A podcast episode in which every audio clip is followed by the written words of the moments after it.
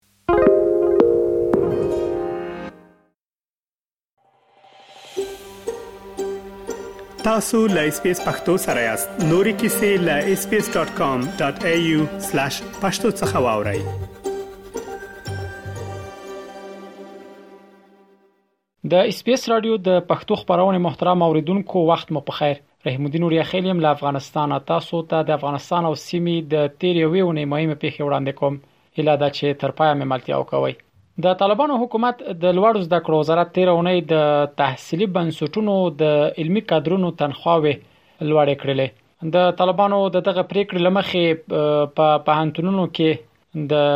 استادانو البته د علمي رتبو په اساس دغه تنخواګانې لوړې کړې چې لمخې د پوهان علمي رتبه معاش لدی ورسته ل 9000 افغانۍ او 18000 افغانۍ د پوهنوال علمي رتبه معاش ل 13000 افغانۍ 15000 افغانۍ د پوهندوی علمي رتبه معاش ل 10000 8000 افغانۍ د پوهنمل علمي رتبه معاش ل 21000 له 22000 افغانیو د علمي رتبه پوهنیار معاش له 18000 افغانیو او د نامزد پوهنیار معاش بیا له 14500 بیا 20000 افغانیو ته لوړ کړ د طالبانو حکومت د لوړ زده کړو وزارت د پریکړې لمخې دغه زیاتواله یوازې په اکاډمیکو رتبو پورې اړه لري او دغه استادانو لپاره د اړوندو بستونو معاشونه هم په جلا توګه پلي کیږي ظاهرا طالبانو دغه اقدام البته د افغانستان څخه د علمي کادرونو د تېښتې د مخنیوي په خاطر کړی ځکه چې تر دې وړاندې داسې راپورونو شتون درلود چې د کابل بلخ کندهار هرات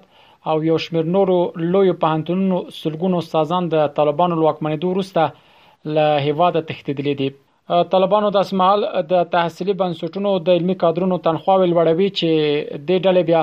په پهنتونونو کې د نجونو په زده کړو بندیز لګولای چې د دې پریکړې په خبرګون کې هم هغه وخت لسګونو استادانو ل خپل دندو لاس په سر شوی ول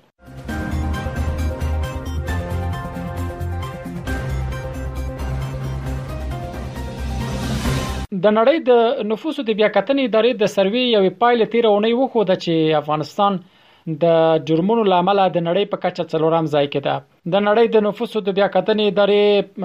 پر راپور کې راغلي ول په افغانستان کې فساد قتل هدفي وژنې د نشئی توکو قاچاق انسان تښتونه او د پیسو منځل هغه څه دي چې لا هم په دغه هیواد کې روان دي راپور کې راغلي ول چې په افغانستان کې په لوی کچه پیروزګاری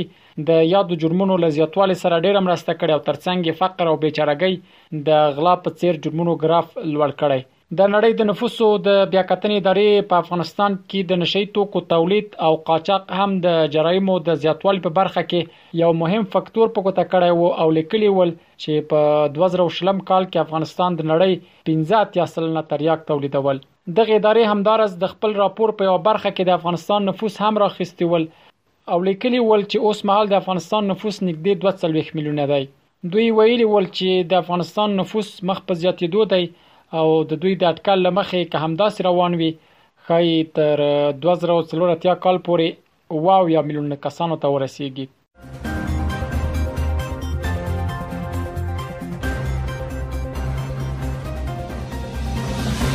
لسګونه افغان خبریالانو تیره اونۍ ملګرو ملتونو سازمان ته د یو لیک په لیږلو سره دوی ته او رسنیو ته له ورپېښو ستونزو، ننګونو او ناوړه وضعیت شکایت وکړ. دغه لیک چې کابو شپږ سوه افغان خبریالانو لاسلیک کړی و، پکې له ملګرو ملتونو، د بشري حقونو له نړیوال سازمان او نورو نړیوالو ادارو په جدي توګه غوښتل شوي ول چې په افغانستان کې د بیان ازادۍ او د افغان خبريالانو حالت ته جدي پام وکړي دغه خبريالانو د نورو ستونزو ترڅنګ لیکلي ول افغانستان رسنوالو په دوزخ او بشپړه تیاره او تور سیمه بدل شوی دی او د دغه ټولو بشري ضد جرمونو لپاره د طالبان تر فشار لاندې راشي همدارس دوی لیکلي ول په افغانستان کې د بیان ازادۍ د رسنیو خپلواکۍ او اطلاعات لاسرسي حقونه تر پخولاندې کېدل باید په نړیواله بڼه د یو بشري فاجعه په توګه په رسمیت وپیژندل شي او لدې کابل دی پر طالبانو تعزیرات او بندیزونه ولګول شي د یادونه ده چې د 2021 کال اگست کې پر افغانستان د طالبانو لبیا وکمنیدو را وروسته دغه هیواد کې لزګونه چاپی غږیزي او ټلویزیونی رسنۍ تړل شوی او د دې ترڅنګ وخت نا وخت د بیلا بیلو رسنیو د مسولانو او کارکونکو د نیول کودو غواخل کېدو او ان وهل ټکول کېدو راپورونه هم ورکول کېږي.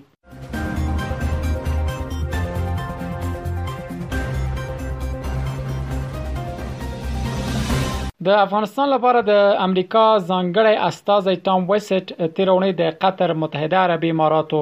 او ترکیې په سفر وتی. په هغه اعلامیه کې چې د امریکا د بهرنیو چارو وزارت لوري خبره شوې و راغلي ول چې خاغلی وسټ د خپل دغه سفر پر مهال د افغانستان د ستونزو پر حل چې د ملګرو ملتونو د خزینه کارکونکو پر کار له بندیز سره لا ډېر شوی خبرې وکړي اعلامیه کې راغلي ول چې خاغلی وسټ به په قطر متحده عربی اماراتو او ترکیه کې د یاد هیوادونو د چارواکو ترڅنګ د افغانستان د مدني ټولنې له مشرانو د یو شمېر هیوادونو له ډیپلوماټانو افغان سوداګرو د افغانستان له سیاسي مشرانو خبريالانو د بشري حقوقو له مدافعانو او د بشري مرستو له متخصصانو سره وګوري د خاغلی وسټ د دغه سفر مخه د افغانستان د ستونزو او شتننګونو په اړه د نړیوال ټولنې ترمنځ د همغږي رامنځته کول بلل شوې دي د یادونې ده چې ښاغلی ویسټ په داسې وخت کې له سیمې څخه لیدنه کوي چې نړیواله ټولنه هڅه کوي څو د افغانستان د څو اړخیزو ستونزو ته حل لار پیدا کړي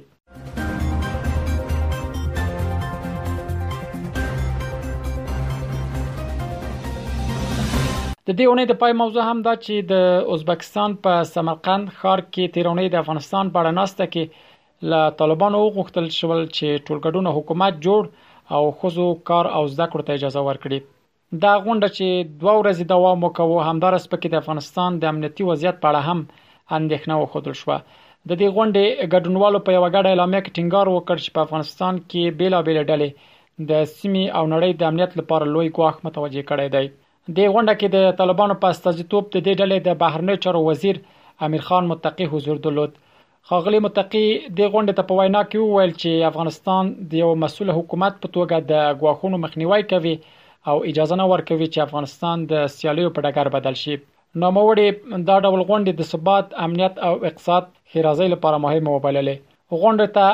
ورغلیو استازو په خپلو منځو کې هم دوه اړخیزې او څو اړخیزې ناستې هم وکړې. تر ټولو مهمه هغه یې د روسیې، ایران، چین او پاکستان ترمنځ څلور اړخیزه ناسته وه چې د تاجکستان، ترکمنستان او ازبکستان لوړپوړو ډیپلوماټانو هم پکې حضور درلود. د سمرقند غونډه د هغو غونډو د لړۍ څلورمه وه چې پر افغانستان د طالبانو له واکمنېدو وروسته د پاکستان په نوښت پیل شوې او لومړی هغه یې د 2021 کال په سپټمبر میاشت کې په اسلام آباد کې جوړه شوې و د دې لړۍ دوهمه غونډه د 2021 کال په نومبر کې په تهران کې او درېمه یې د 2022 کال په مارچ کې په چین کې جوړه شوې و دا ول د افغانستان او سیمې د تیر یوې اونۍ مهمه پیښه چې ما تاسو ته وړاندې کړې